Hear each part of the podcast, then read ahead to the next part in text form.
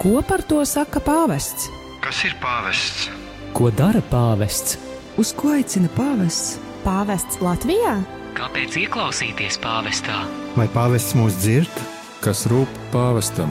Ko pāvests saka jauniešiem? Ko pāvests domā par Latviju?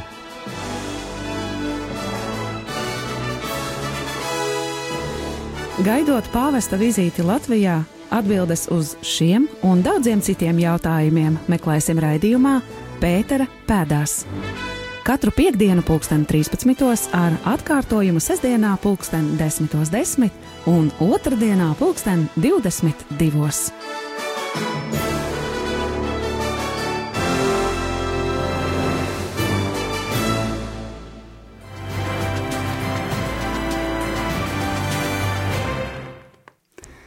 Dargais rādījuma arī Latvijas klausītāji, pulkstens ir 13 un 2 minūtes, ja tu klausies šo piekdienā, savukārt sestdienā iespējams ir vēl agra stunda vai otrdienas vakars, vai arī, ja klausies internetā, tad man patiesībā nav nejausmas, cik pulkstens rāda tavā datorā, bet uh, pienācis kārtējais raidījums Pētera pēdās, Un uh, jau pavisam, pavisam tuvu esam pietuvojušies pāvesta vizīte, vizītē Latvijā, kas mūs tad uh, visus sagaida 24. Uh, septembrī, bet Baltijā viņš ierodas jau 22. Mm, septembrī. Tad sākas šis laiks ar Viļņu, pēc tam viņš dodas uz Kaunu, tad uz Rīgu un tad arī uz Stallinu. Un tad šajā raidījumā mēs cenšamies tad iepazīt vairāk pāvesta personību vai arī baznīcas tradīciju, ko sauc par pāvestību, un arī uh, to, kā tad šī, tad, uh, šī vizīte Latvijā tiek gatavota. Un tad šajā reizē ir pienācis laiks atkal tēmai par jauniešiem, un tad šis sanāk trešais raidījums, kas ir veltīts uh, pāvesta saiknei ar jauniešiem, jo tad pirmā reize bija par uh, Pasaules jauniešu dienām Panamā, kas baznīcu gaida 2019. gadā. Tad runājām arī par Pasaules jauniešu dienu tradīciju kopumā, kur pāvestam patiesībā ir ļoti liela loma, bet tad šajā reizē vēl, vēl kāds īpašs notikums, kas pāvestam ir nu, bijis un vēl būs arī svarīgs tuvākajā laikā. Bet tad pirms tam stādīsimies priekšā. Šajā reizē kopā ar jums būsim mēs, es Velta. Priesteris Pēteris. Un es Katrīna.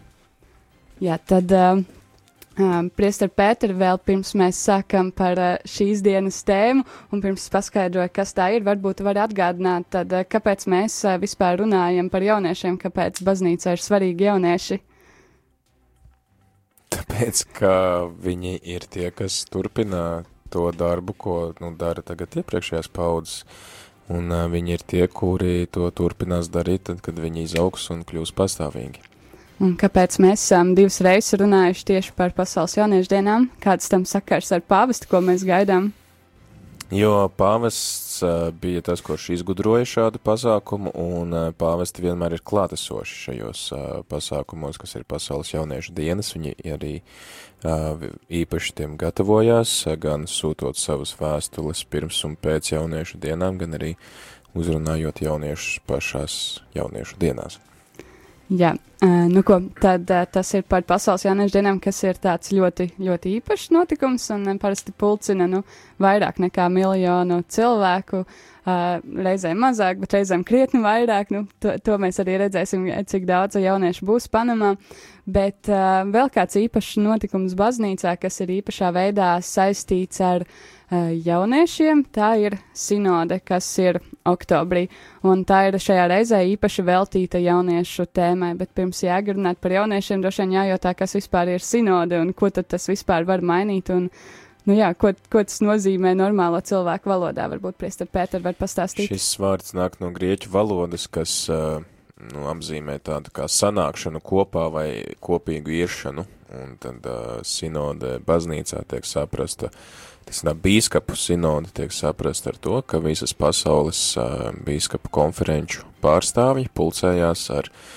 kādreiz arī ar saviem padomdevējiem, tad dodās uz Romu, lai arī tad diskutētu savā starpā par kādiem jautājumiem un pēc tam arī nu, konsultētu pāvestu ar šo diskusiju rezultātiem.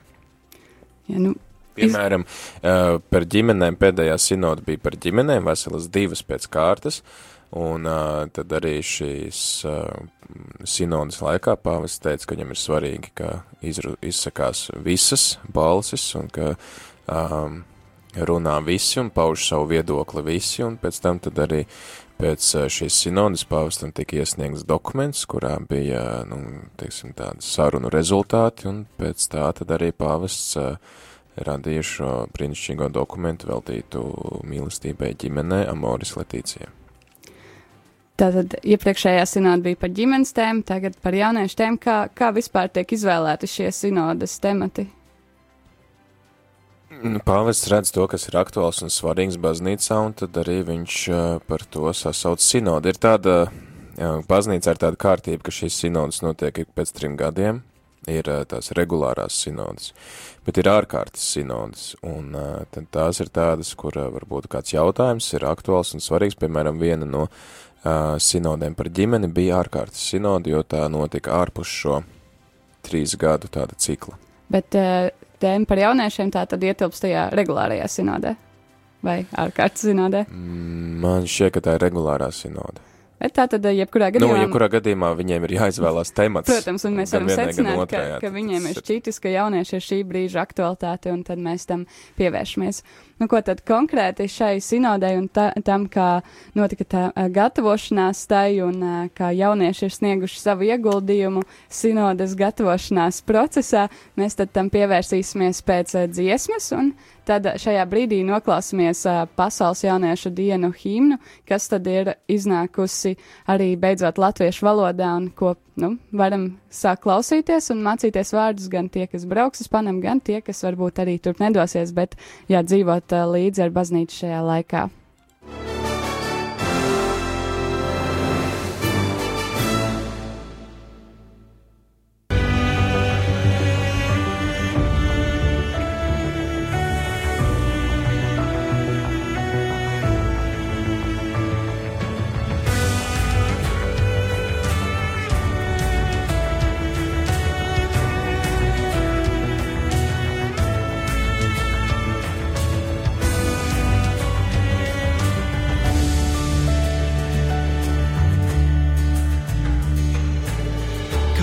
Svēceļnieki mēs pulcējamies šeit no visām pasaules malām. Ilgojamies patiesi Dieva kalpi būt, nes tavu vārdu, tavu vēstī. Māci sacīt jā, kā to teica Marijā, kad lūdzies daļa mana plānā.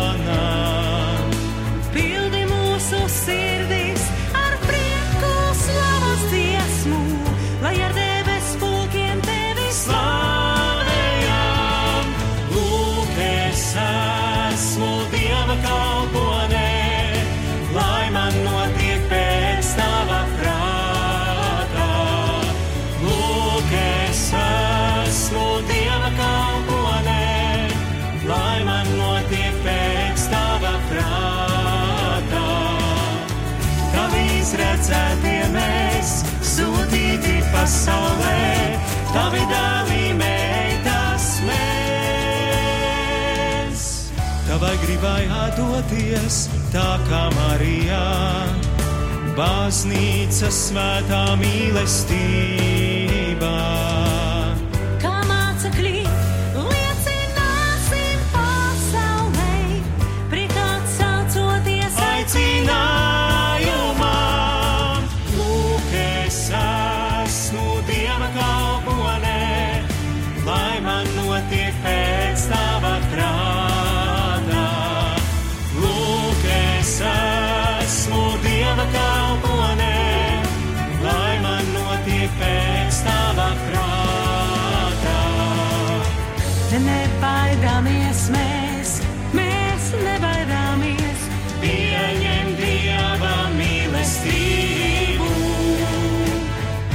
Uzticies kā reiz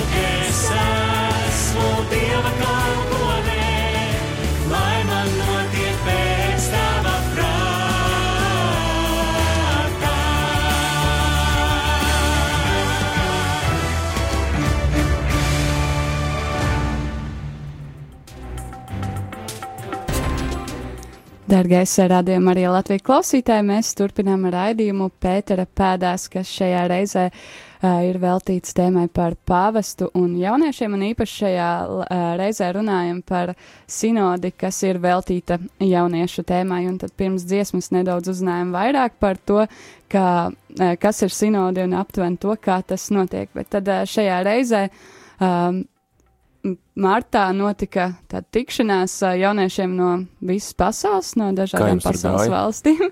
gāja ļoti jauki, un man liekas, tas bija tāds īpašs notikums. Un tieši gribēju jautāt, vai tas tā ir pierasts, ka pirms sinodas tiek aicināti nu, cilvēki pārstāvji. Eksperti. Eksperti savā tēmā, uh, nu, jau radīt ierosinājumus uh, sinodē, ko tad prezentēt bīskapiem. Uh, man liekas, ka šādā veidā, kā tas notika šogad, tas ir uh, kaut kas jauns, bet es baidos par to samelot, varbūt, arī nē. Bet uh, tas, kas noteikti ir. Uh, Vienmēr pirms katras sinodas ir gatavošanās, un, uh, piemēram, pirms ģimeņu sinodas uh, uh, bīskapiem, visām bīskapu konferencēm pasaulē tika izsūtīti jautājumi no Vatikāna par uh, ģimeņu aprūpi baznīcās, par ģimeņu situāciju, par ģimeņu vajadzībām. Tad, uh, nu, centīgākie bīskapi, tad arī šīs aptaujas padeva tālāk saviem priesteriem un arī, uh, nu, lajiem, kas darbojās konkrētā jomā, un tad arī rūp, veic rūpīgu uh, izpēti šajā jautājumā, lai tad braucot uz sinodu, viņi tiešām varētu uh, piedāvāt to uh, viedokli, kas, uh, nu, ko pārstāv uh, visa ticīgā tauta un kas atbilst realitātei, un, uh, nu, citi varbūt bīskapi aizpildīja paši, pēc balstoties uz to, ko viņi, nu, zina un redz, un, uh, un uh, tad arī piedāvāja to savu, uh, savu skatījumu. Un uh, līdzīgi arī tad pirms šīs sinodas bija tāds uh, sagatavošanās dokuments, tad pēc tam sekoja šī jauniešu pirms sinode, uh, kurā jūs, nu, tas īstenībā mani pārsteidz, parasti jau ir kaut kādu uzmetumu sagatavot dokumentiem, šeit viss bija pilnīgi no nulles, un uh, abrīnojami ir tie cilvēki, kas tad atbilstoši tām valodu grupām šo tekstu arī uzcepa burtiski vienas nakts laikā. Nu, nedaudz ilgāk kā Nu, pēdējā jā, reize, jūs tur gāja. diskutējāt trīs dienas, Jā, jā, pēdējā tad viņi- dienā tas viss. uh, Viņa lika kopā, un tad viņi prezentēja atkal jauniešiem, un vai jaunieši tam piekrīt vai nē. Atkal bija strīdi grupās, tad atkal vēl viena nakts. Tās bija viņiem, man liekas, kāds trīs mokošas nu, jā, naktis. kā, uh, nu, un tagad arī ir uh, izdots, uh, balstoties uz šo dokumentu, arī, lūk, pirms sinodas ir iz, izdots dokuments, kas saucās Instrumentum Laboris, un šis, tas latīņu valodā nozīmē darba, nu, in, rīks vai darba instruments, tātad tas jau ir tas teksts, uz kā balstīsies šī sinode, un tad arī tur ir piedāvāti tie apskatāmie jautājumi un temati, kas tiks skatīti sinodas laikā. Jā, bet līdz tam mēs nonāksim vēl nedaudz vēlāk, jo es eh, šai brīdī gribu paiet nedaudz atpakaļ vēl līdz tam laikam, kad šī pirms sinodiālā tikšanās nebija notikusi, bet uh, es gribu, lai mēs tad ieklausamies uh, pāvesta Franciskā vēstu, uh, vēstulē uh, jauniešiem, kurā viņš tad arī paskaidro, ko viņš sagaida no jauniešiem, un, un jā, tad kā, kāpēc tad uh, šī ir aktuāla tēma. Pāvests raksta.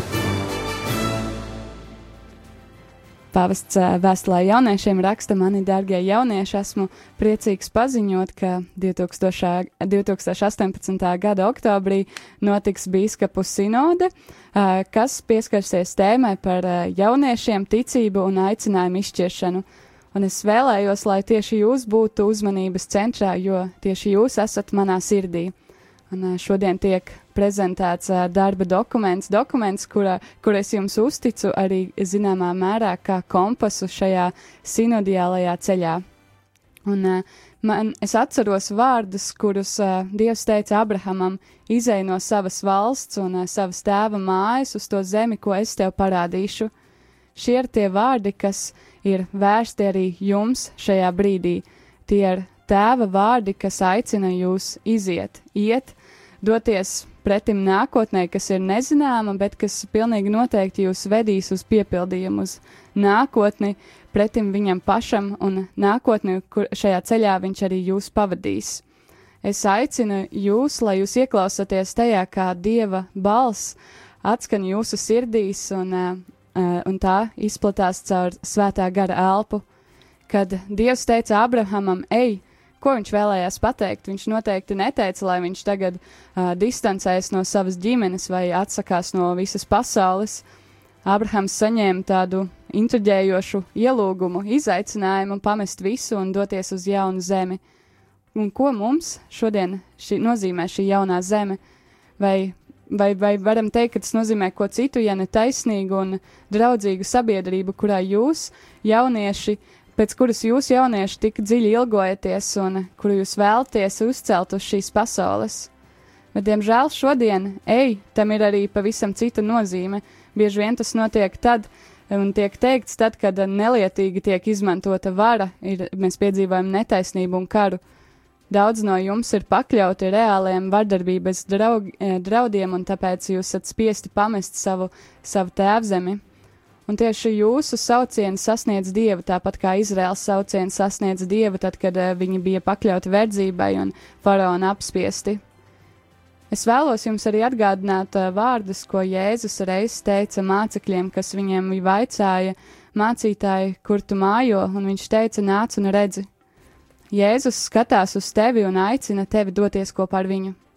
Darbie jaunieši, vai esat pama pamanījuši viņa skatienu pret jums, vai jūs esat sadzirdējuši šo balsi, vai jūs esat vē sajutuši vēlēšanos doties uh, ceļā?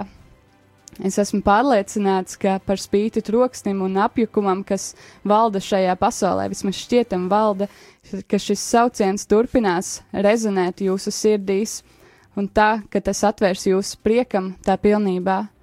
Un tas būs iespējams tik lielā mērā, cik uh, jūs mācīsieties iet šo izšķiršanas ceļu, lai atklātu dieva plānu savā dzīvē.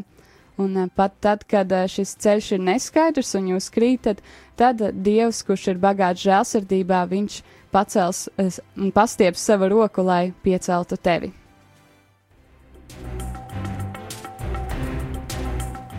Jā, nu, šādi skan šis uh, pamudinājums, ar ko tad uh, sākās uh, viss uh, ceļš.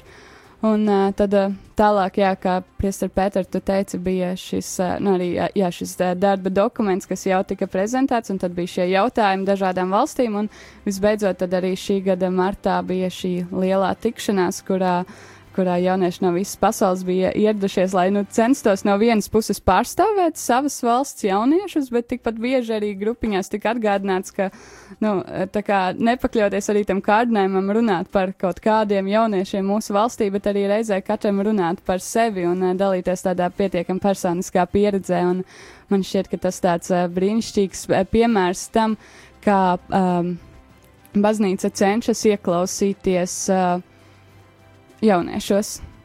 Nu, baznīca, tiksim tā, tas ir tāds vēl viens ļoti um, tāds intensīvs atgādinājums no pāvesta puses, bet ir jāatcerās to, ka baznīca nav kaut kādi cilvēki tur Vatikānā, baznīca nav kaut kādas bīskapu sinode uh, Romā, kas uh, notiks tagad oktobrī, uh, vai kaut kādi cilvēki, kas aizbrauc, bet baznīca esam mēs visi. Uh, Un patiesībā pāvesta aicinājums baznīcai ieklausīties jauniešos vai ieklausīties, viņš arī jauniešiem saka ieklausīties savos vecvecākos un vecajos cilvēkos un mācīties no viņu pieredzes, tad tas ir aicinājums mums visiem, visai baznīcai, klausīties jauniešos un arī, teiksim, gatavojoties šai sinodē, arī visi tie, kas mēs nebrauksim, mēs varam apmeklēt sinodes mājaslapu, kas tā arī saucās sinode 2018.va, vai arī varam apmeklēt Vatikānu mājaslapu vatican.va un tad arī izlasīt šo dokumentu, kas ir tas instrumentum laboris, kurā ir gan uh, īsumā pārstāstīt tātad mūsdienu jauniešu situāciju, gan arī tad uh, uzdot šie jautājumi, kā baznīca šodien var pavadīt jauniešus un, dot viņiem arī iespēju sajusties gaidītiem un gribētiem, un ka viņiem arī dod telpu un vietu baznīcā. Tā, tas, ka tagad pievērš uzmanību jauniešiem, nenozīmē, ka aizmirst visas pārējās lietas, jo projām baznīca ir arī aktuāls ģimenes, par kurām iepriekš bija runāts, un tāpat arī pāvests visu laiku runā par to, kā vispār šīs marginālās nu, sabiedrības daļas iekļaut, Jaunieši iekļaut. ir margināli?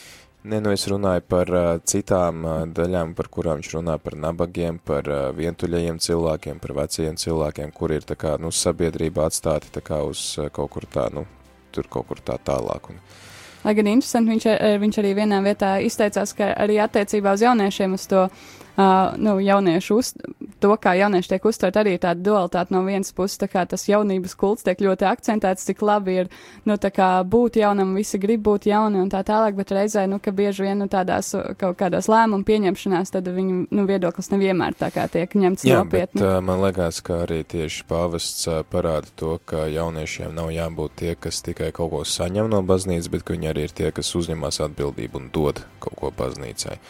Un uh, ka tās nav tikai viņu tiesības uh, saņemt draudžu atbalstu, un tas viņiem pienākās, bet tas atkal ir tad viņu pienākums dalīties ar to, ko viņi var dot, ar to savu entuziasmu, ar savām idejām, un bieži vien arī nu, atdzīvināt to draudzi ar uh, kaut kādu radošu skatījumu uz to, kādai draudzē vajadzētu būt. Tā kā tas, uz ko pāvests aicina, viņš aicina uz nemitīgu tādu paauģu līdzās pastāvēšanu un paauģu miedarbību, ka tā tad uh, ir vecākās paaudzes, kas dalās ar padomiem, kas uzņem, kas ļauj justies uh, ērti, komfortabli uh, jaunākām paudzēm, savukārt jaunākās paudzes tad ir tās, kas ar vienu no jaunienes tādu jaunu svaigu elpu un, un uh, varbūt arī izaicina uh, vecākās paudzes ar to, ka var uz lietām skatīties citādāk un nevar iegrimt tādā, nu, kā to nosaukt, tādā komfortā, ja, ka, nu, mēs tā esam darījuši visu dzīvi, un tā tas arī paliks. Pāvests, nu, saka, ka tā nevar. Baznīca vienmēr pārveidojās, un tāpēc ir jaunieši, kas arī iet palīgā šajā procesā. Kad uzsākām raidījumu, mēs eh, dzirdējām trīs balsis. Pēdējā laikā dzirdam vairāk mani un priesteru Pēteru, bet šajā brīdī gribu vēl pavaicāt uh, Katrīnai, pirms mēs pievēršamies uh, pašam šim tam, ko jaunieši radīja kā nu, atbildi uz šo, uzdo, šiem uzdotajiem jautājumiem, ko baznīca vēlējās dzirdēt no jauniešiem.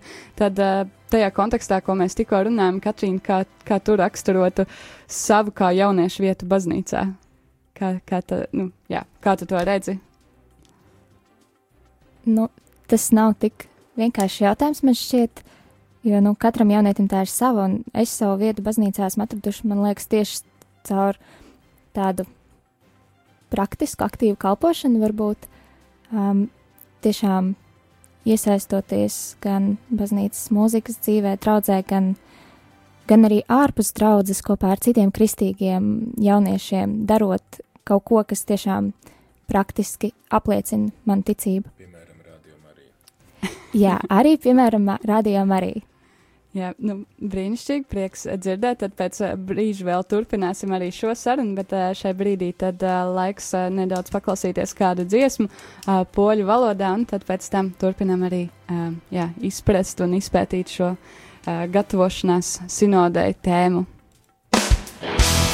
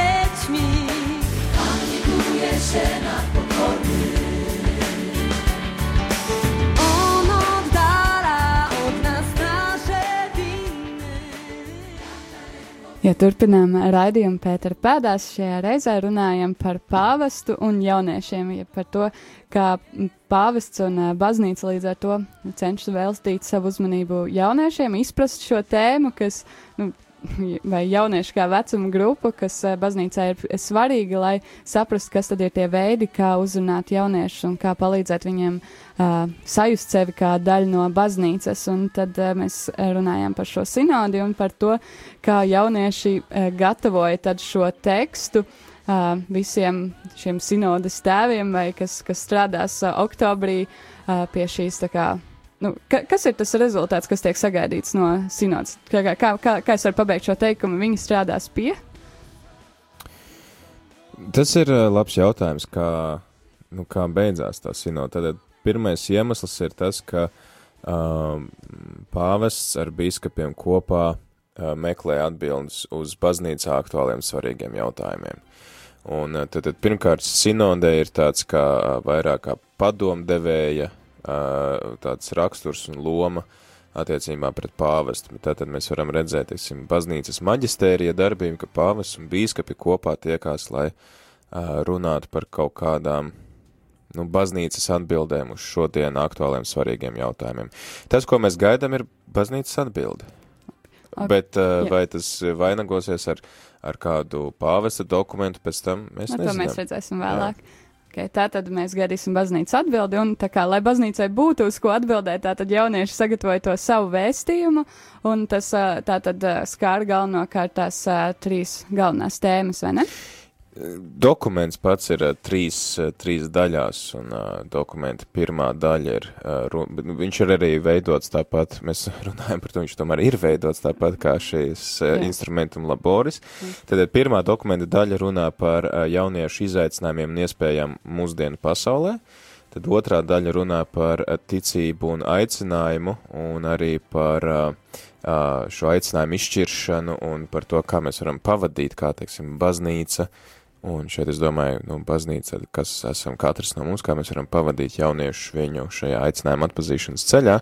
Un trešā daļa tad ir baznīcas, nu, šie formējošie un pastorālie, pastorālās aktivitātes un kādi pasākumi un, teiksim, pastorāla atbildē mm, šiem visiem izaicinājumiem. Bet tātad temats ir jaunieši, ticība un aicinājuma izšķiršana vai atpazīšana. Jā. Tad, lai nebūtu tik abstrakti, tad lūkšu Katrīnai nolasīt kādus uh, fragmentus no šī teksta, un lai mēs tad arī vairāk jūtam to, ko jaunieši ir centušies pateikt un uz ko viņi gaida baznīcas atbildi. Mūsdienu jaunietis saskars ar dažādiem ārējiem un iekšējiem izaicinājumiem un iespējām, no kuriem daudz ir atkarīgi no specifiskiem, individuāliem kontekstiem, kamēr citi vieno jauniešus pāri kontinentu robežām. To apzinoties, baznīcai nepieciešams pārdomāt veidu, kādā tā domā par jauniešiem un iesaistās dialogā ar viņiem, lai tādējādi kļūtu par efektīgu, saistošu un dzīvību dodošu pavadoni viņu dzīvēs. Šis dokuments ir sinte sintēzēta platforma, kas pauž dažas no mūsu domām un pieredzēm. Ir būtiski piebilst, ka savas pārdomas snieguši 21. gadsimta jaunieši, kam ir atšķirīgs reliģiskais un kultūrālais fons. To paturot prātā, baznīcai šīs pārdomas būtu jāuztver nevis kā cita vēstures perioda empiriska analīze, bet gan izpausme tam, kur mēs šobrīd atrodamies, kur mēs dodamies, un norādījums tam, kas baznīcai nepieciešams, lai virzītos uz priekšu attiecībās ar jauniešiem. Tāpat ir svarīgi izskaidrot šī dokumenta būtību. Tā mērķis nav radīt teoloģisku traktātu, nedz arī attīstīt jaunu baznīcas mācību. Dokuments sastāv no apgalvojumiem, kas atspoguļo specifiskas realitātes, personības, uzskatus un pieredzes, ar ko sastopas pasaules jaunieši. Tas ir adresēts sinodas tēviem, lai sniegtu biskupiem kompasu, kas norāda uz skaidrāku izpratni par jauniešiem. Palīgu navigācijā, sagaidot tuvojošos biskupu sinodi par tēmu Jaunieši, ticība un aicinājumu izšķiršana, kas norisināsies 2018. gada oktobrī. Ir svarīgi, ka šīs pieredzes tiek skatītas un izprastas saskaņā ar dažādiem kontekstiem, ar kādiem saskars jaunieši. Piederības sajūta ir būtisks faktors, veidojot personas identitāti. Sociālā iztumšana ir faktors, kas veicina pašapziņas un identitātes zaudēšanu, ko daudz pieredz. Tuvajos austrumos daudzi jaunieši izjūt spiedienu pāriet uz citām reliģijām, lai tiktu vienaudžu un apkārtējās kultūras pieņemti. To akūti izjūt arī imigrantu kopienas Eiropā, kas tāpat saskars ar sociālo iztumšanu un spiedienu atmest savu kultūrālo identitāti un pielāgoties dominējošai kultūrai.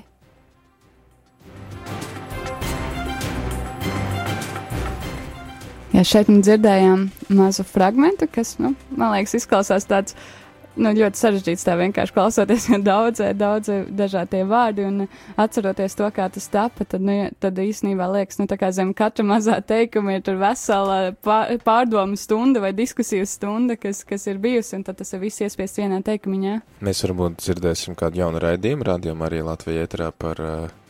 Par sinodi. jā. Nezinu, vai mēs dzirdēsim to. Jo, nezinu. Tāpat kā mēs nezinām, vai pāvis atbildēs uz vai kaut ko uzrakstīs pēc tam, nu ir lietas, ko nu, mēs vēl nevaram zināt. Noteikti būs, bet man liekas vēl viena svarīga lieta arī klausoties tagad šo te jauniešu sagatavoto, ka runa ir ne tikai par jauniešiem, kas jau iet uz baznīcu, ka tā nav atbilde jauniešu vajadzībām, kas iet uz baznīcu, bet drīzāk tas ir izaicinājums baznīcai, kā baznīca ir gatava sevi nolikt jaunieši, tāpat kā viņi runāja iepriekš par ģimenēm, kā cik ļoti baznīca ir gatava sevi nolikt ģimeņu vai jauniešu rīcībā, kuri arī neiet uz baznīcu, jo tomēr mums ir arī nu, pienākums nest šo Kristus gaismu ne tikai tiem cilvēkiem, kas jau ir kristīti, bet visiem. Un uh, man liekas arī izaicinoši es ieteiktu pārlasīt arī priestera Volohova komentāru par šo dokumentu, jo viņš arī tieši noslēdza savu rakstu Katoļu baznīcas vēstnesī ar šo jautājumu, vai baznīca būs gatava aiziet uz bāru, kurā tiekās jaunieši, vai arī nē. Un man liekas, ka ja, nu, tas ir tas izaicinājums, skatīties, kur tie jaunieši ir, kas ir tās viņu vajadzības un kā mēs uz tām atbildēt varam. Uh, tam nav obligāti jābūt tādā veidā, ka mēs gaidām, kā mums tagad piesaistīt viņus svētajai misē, vai kā viņus piesaistīt, nezinu, iešanai procesijā vai paglonas laukumiem, bet tam, kā reāli baznīca var palīdzēt mūsdienu jaunietim tur, kur viņš ir tagad. Es tad eh, šajā brīdī tikai gribēju piebilst, ka vakar, eh, nu, vēl pārskatot kaut kādas lietas, gatavojoties šodienai, es atradu video, ko es biju palūgusi atsūtīt vienam puisim no Šveices, tādam Sandro, kurš eh, šajā sin, nu, priekšsinodiālajā tikšanās reizē pārstāvēja ateistus. Viņš arī, nu, tā saka, nu, es nezinu, mans uzdevums laikam bija pārstāvēt neticīgos pasaules jauniešus. Nu, tā kā no vienas puses viņam tas tā varbūt neskaidri, nu, jo tāda ir pietiekami daudz jauniešu, bet, eh, bet, nu, viņš arī, nu, stāstīja par to savu pieredzi, kā ir ateistam, nu, būt baznīcas vidū, bet tas, kas man vienmēr uzrunāja, ir tā viņa doma, ka ka, ka viņš teica, manuprāt, baznīcā ir nākotne, jo viņa grib dzirdēt, nu, tā kā atbildi. Nu, ka viņa nevis piedāvā savus tur uzskatus, bet ka viņa uzdod jautājumu un viņa gaida šo jauniešu atbildi. Tā ir tā baznīcas misionārā daba, ka baznīca, un tas arī tas, ko Pāvis Francisks saka šajā dokumentā, ko mēs tagad lasam grāmatas lasījuma laikā, 1130 evaņ, evaņģēlija prieks, ka baznīca ir tā, kura ir nevis kas tāda sterila, tīra vide, kurā var ienākt pilnīgie, bet ka tā ir tāda kā, nu, rūpju pārņemta māte, kas iet pie visiem cilvēkiem tur, kur viņi ir. Ir gatava, gatava klausīties un gatava palīdzēt tur, kur ir šie cilvēki. Tas ir arī aicinājums, tad baznīca, katrs mēs, esam aicināti iet pie cilvēkiem tur, kur viņi ir. Jā, tad viens no jautājumiem, kas, kas tika apskatīts, vai nu, kas, kas ir savā ziņā centrā, ir to, kā apvienot nu, to savu dzīvi, to savu reālo ikdienas dzīvi un ticības dzīvi, kā tās lietas iet vai neiet kopā. Un tad par to mēs arī pēc maz brītiņa varēsim parunāt ar Katrīnu, bet pirms tam noklausīsimies pāris viedokļus, kurus šo jautājumu atbildēja kādi jaunieši, kurus var sastapt aglonā. Mēs zinām, ka aglonā parasti tiekās nu, liela, liela daļa katoļu un arī nekatoļu un jaunieši, bet tad, jā, šis jautājums par to, kā apvienot ticības dzīvi un reālo dzīvi. Nu jā, viegli ir teikt, ka reālai dzīvei jābūt ticīgai dzīvei, bet uh, ikdienā ne, tas nevienmēr ir viegli, jo tomēr ir apkārtējā vide, kur ne visi ir ticīgi, uh, bet ir jācenšas. Es domāju, ka ir grūti, ja tevi draugi un cilvēki, kas ar ko tu esi ikdienā, nav ar to saistīti un ir varbūt kad par šīm lietām tu nevari viņiem runāt, jo tu sastopies ar neizpratni vai, vai kādu vieglu smīņu. Uh, nu, būt pārliecinātam par to, kam tu tici, un neietekmēties uh, citu cilvēku viedoklim, pat ja viņš ir tāds uzstājīgs. Grūti tā atdalīt ticības dzīve un dzīve, jo priekš manis tas liekas viens. Jo, ja es dzīvoju ar Jēzu, tas nav tā, ka es izēju pa baznīcas durvīm ārā un tad, ah, ok, tagad sākas cits kaut kas. Ir grūti ļoti īstenībā apvienot, jo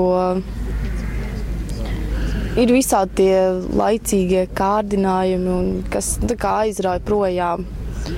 Un, un, un, nu, jā, praktiski tas ir ļoti atkarīgs no, no apkārtējās vides, arī kāda cilvēka apkārt ir. Un... Uh, ir jau šķēršļi tādi, ka, piemēram, Uh, ir materiālās lietas, kas aizstāja to ticību, un ka materiāla lieta cilvēkam va ir vairāk tuva nekā tā garīgā lieta. Jā, nauda, tur mantas kaut kādas baudas, tur uh, atkarības un tā tālāk. Ka ļoti grūti ir praktizēt tādu kristiešu, kristietībā prasīto iecietību, jo man liekas, tādos tīņu gados arī nu, ļoti daudz balstās uh, uz tādu socializēšanos grupās, kad tomēr viena grupa vēršas pret otru grupu, un kad cilvēki vēl nav ieguši tādu pašpārliecinātību, tad, protams, ļoti daudz tiek viņa iegūta, mēģinot kā, kritizēt citus un, un esot tādam neiecietīgam un, un izsmējīgam. Es domāju, varbūt tas tāds kas varbūt ir grūts savienojums. Tas ir baigi sarežģīti, tīpaši tad, kad pasaule ir tāda, ka nu, cenšas seksualizēt jebko, romantizēt jebko, pat, nu, piemēram, vīriešu draudzības, tad, kad nu, vairs nav draugi, jā, ir bromance, jā, nu, tā kā, kā kaut kāda romantika starp viņam ir un tā. Attiecības un seksuālā dzīve, kur, nu jā, tā multikultūra vai kurā mēs dzīvojam ikdienā, ir daudz vaļīgāka nekā to paģēra kristīgā ticība. Tā kā tas arī jauniešiem izaicinājums dzīvot un gaidīt savu vienīgo un īsto Ko ļoti daudz un dažādi viedokļi, sākot no tā, ka vai tas vispār ir nošķirams vai nav nošķirams, un tad vēlāk jau no, nonākot līdz kaut kādām konkrētām lietām. Katrīna, kā, kāds ir tavs viedoklis par dzirdēto, un kas ir tas, ko tu vari piebilst? Es domāju, ka katrs jaunietis sastopas ar cita veida izaicinājumiem, jo tās vidas ir dažādas. Jo, piemēram, man ir, man ir veicies ar to, ka man ir apkārt ļoti daudz kristīgu un arī tieši katoļu ticīgu jauniešu, un kas arī ļoti palīdz un stiprina to manu ticību un palīdz arī man būt drošākai ticības dzīves izdzīvošanā ārpus draudzes un baznīcas, bet es zinu, ka ir arī ļoti daudz jauniešu, kuriem apkārtējā vide ir tāda, kurā nu, viņu ticību neatbalsta neviens un nav šī drošā pleca un draugus, ko paļauties un kas arī ir ticībā kopā ar tevi tādēļ. Nu jā, tas mans, mans secinājums, ka katram jaunietim šie izaicinājumi ir tomēr atšķirīgi. Un, ja tu paraugies uz savu dzīvi, tad kas ir tās sfēras, kurās tev liekas visgrūtāk no tās kristietības principus vai no tās baznīcas mācību realizēt no tā pīstam un jā, tā savā dzīvē? Nu, es pieņemu, ka man pašais tas varbūt varētu būt saistīts tieši ar studijām, ka nav tā, ka es universitātē ļoti aktīvi visiem stāstītu par savu ticību un um, Jā, bet mēs arī diezgan bieži ne, nenonākam līdz ticības tēmām, un tad, nu, tad manī diezgan bieži ir šis, šis jautājums, vai man vajadzētu šo tēmu arī skatīt no tāda varbūt ticības, tāda kristīgā skata punkta, vai arī man jācenšas tomēr vairāk, vairāk paskatīties no šī nu, sadzīviskā, varbūt, kas nav, nav ar ticību saistīts šis skata punkts. Un, jā, tā kā es domāju, ka studijas varētu būt tas, kur nu, kur ticība noteikti vismaz, vismaz no manas pieredzes, tas nav temats, kas pārāk bieži uzpeld sarunās, ja tā varētu teikt. Neliela, neliela piezīme tā no malas. Man liekas, ka būt par jā, pasaules gaismu zemes sēlu nenozīmē, ka tagad visur, kur es iespēju iekšā kājas, uzreiz stādos priekšā kā katolis un kā ticīgais. Un man liekas, ka to arī var. Un tu vēl kā priestars. Jā, jā, jā, protams, arī vēl tas, bet es domāju, piemēram, par Katrīnu arī, ko tu saki, jā, ka varbūt, ka vienkārši labi mācoties un esot normāli studenti, to arī liecina citiem par ticību, ka viņi tev palīdz būt normālam, sakarīgam cilvēkam. Un man liekas, ka bieži vien mēs pārprotam šo būšanu klāt sabiedrībā ar to, ka, nu, ja mēs nerunājam tiešā veidā par baznīcu vai par dievu, tad mums kaut kāds sirdsapziņas pārmetum, bet tas, ja tu, jū, nu, esam tā centies veidot normālu, parastu, tādu foršu cilvēcīgu draudzību ar cilvēkiem, tas jau ir īstenībā tas pirmais un būtiskais, un pēc tam jau tad, balstoties uz šīm savstarpējām attiecībām, tad mēs arī varam runāt par kaut ko vairāk. Un vai tev, esot kā Pēters izteicās, normālai studentei vai normālam jaunietim, ir kāds uh, jautājums, kurā, nu, kurā baznīca liekas nesaprotama, vai, nu, vai nu, jā, ka, kāpēc baznīca ir izteikusi šādu uzstādījumu, vai to sagaida no normāla cilvēka?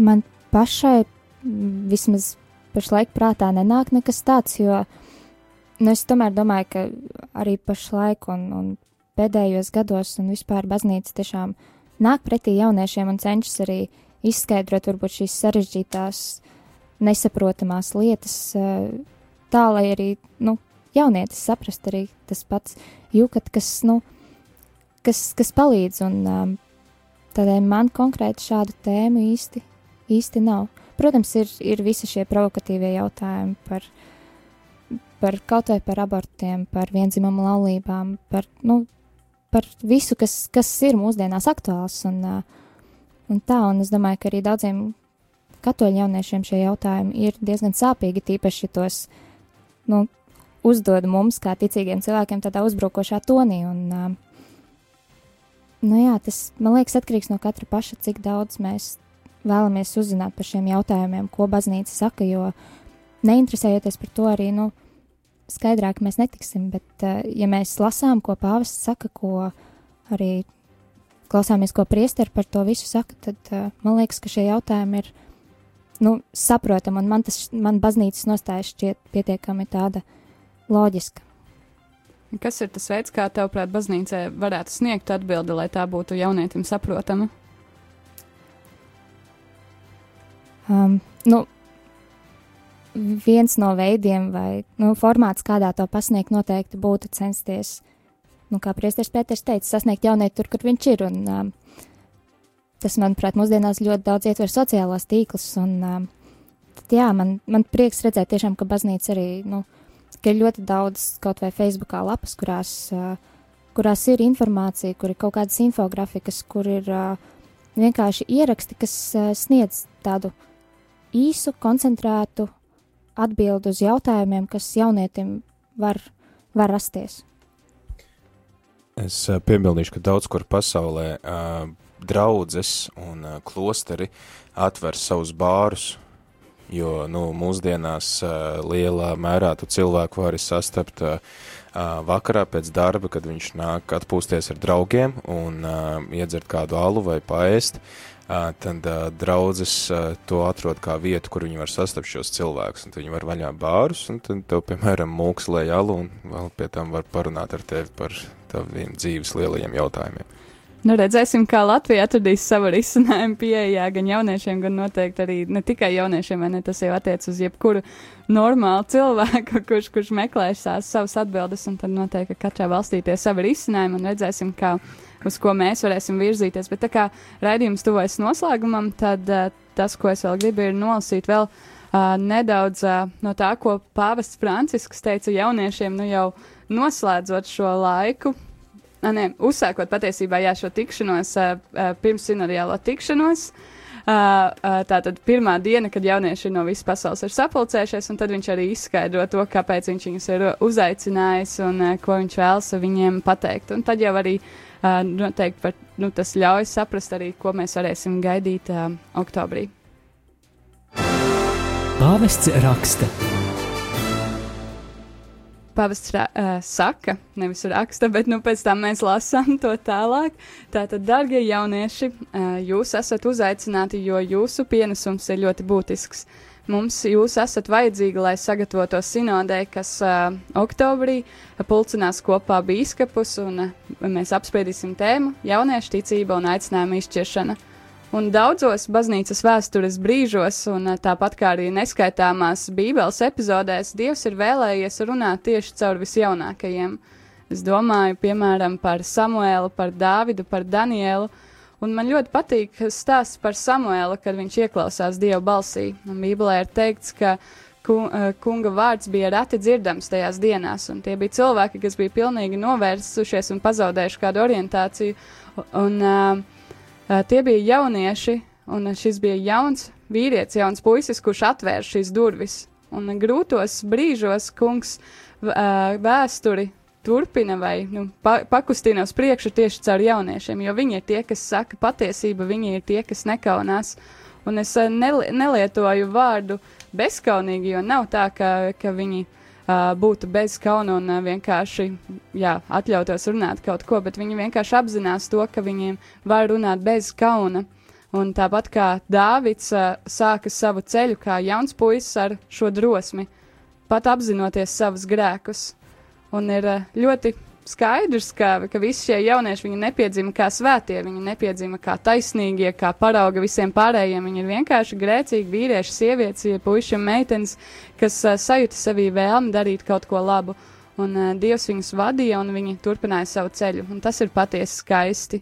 Mēs varam domāt, ka šīs ir uh, lietas, kas attiecās tikai uz tiem īstajiem cilvēkiem, uz priesteriem un māsām. Nē, šīs lietas attiecās uz katru, un īpaši uz jums, jaunieši, jo jums ir tik daudz spēka, lai runātu, lai izjustu lietas, lai smietos, arī lai raudātu. Un mēs, pieaugušie, bieži, ļoti bieži aizmirstam šo spēju raudāt mums un arī izsaukt kaut ko skaļi. Mēs esam pieraduši pie tā, ka nu, pasaule tāda ir un, ā, un mums tā ir jādara, un mēs turpinām uz priekšu. Tāpēc es aicinu jūs, esiet drosmīgi, sakiet to, kas nāk pie jums, kas nāk jums prātā, un ja jūs kļūdāties, tad citi jūs izlabos, bet turpiniet un ejiet ar drosmi. Man liekas, tāds ā, ļoti skaists pamudinājums no pāvesta. Un, t- jā, tas ir tas, ko viņš ļoti bieži uzsver, nebaidīties un iet uz priekšu. Es domāju, ka mēs varam šo drosmi arī saglabāt līdz 24. septembrim, vai īsnībā arī līdz 22. septembrim, jo jauniešiem ir aktuāli arī īsnībā tieši šis laiks, kad pāvests ā, Francisks būs ā, Viļņā. Un, jā, tā ir iespēja jauniešiem, Baltijas jauniešiem īpašā veidā satikties ar pāvestu un piedzīvot jā, arī to kopā būšanu ar jauniešiem. Un tā, ka, ja, ja kāds grib uh, braukt uz Viļņu un satikt pāvestu, tad droši vien izmantošu vienkārši šo brīdi, ka, lai pateiktu, ka ir tāda iespēja un uh, noteikti jebkurš var pievienoties un rakstīt e-pastu uz pāvests viļņā at gmail.com. Bet, uh, jā, tad turpinām gaidīt pāvestu. Pavisam neliels laiks ir palicis, bet tad noteikti tas, ko mēs varam darīt, ir lūgties par viņa vizīti un lūgties par viņu pašu. Un, uh, tad ir, tas ir tas, ko mēs varam darīt arī šajā brīdī un savā ikdienā. Laiks lūkšanai.